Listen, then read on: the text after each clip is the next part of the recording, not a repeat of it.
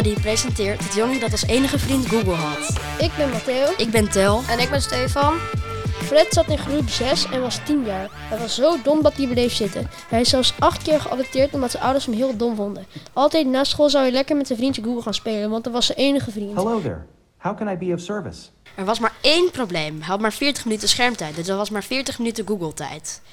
Maar op een dag viel zijn pleegmoeder van het dak. De enige die aardig tegen hem was.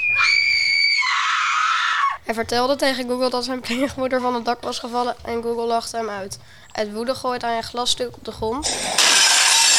Zijn vader werd heel boos en hij kreeg geen schermtijd meer. Hij moest dus buiten vrienden gaan maken. Hij maakte een goede vriend, Bert Hildebrand. Maar toen hij een keer zijn billen afveegde aan het Persisch tapijt van de familie Hildebrand, mocht hij niet meer met hem spelen. Gelukkig had hij de iPhone 3 van zijn vriendje Bert gestolen waar City op stond. Een nieuwe vriend. Er was alleen nog één probleem. Hij had geen schermtijd meer. Dus besloot hij een onafhankelijk kind te worden en tot de dag van vandaag trad hij nog steeds rond in het riool met zijn vriendje City. Dat was dan Bertje en zijn, met zijn vriend Google. Heel erg bedankt voor het luisteren en tot de volgende keer. Dit was Zoe Comedy en laat nog even je review, je Google review achter.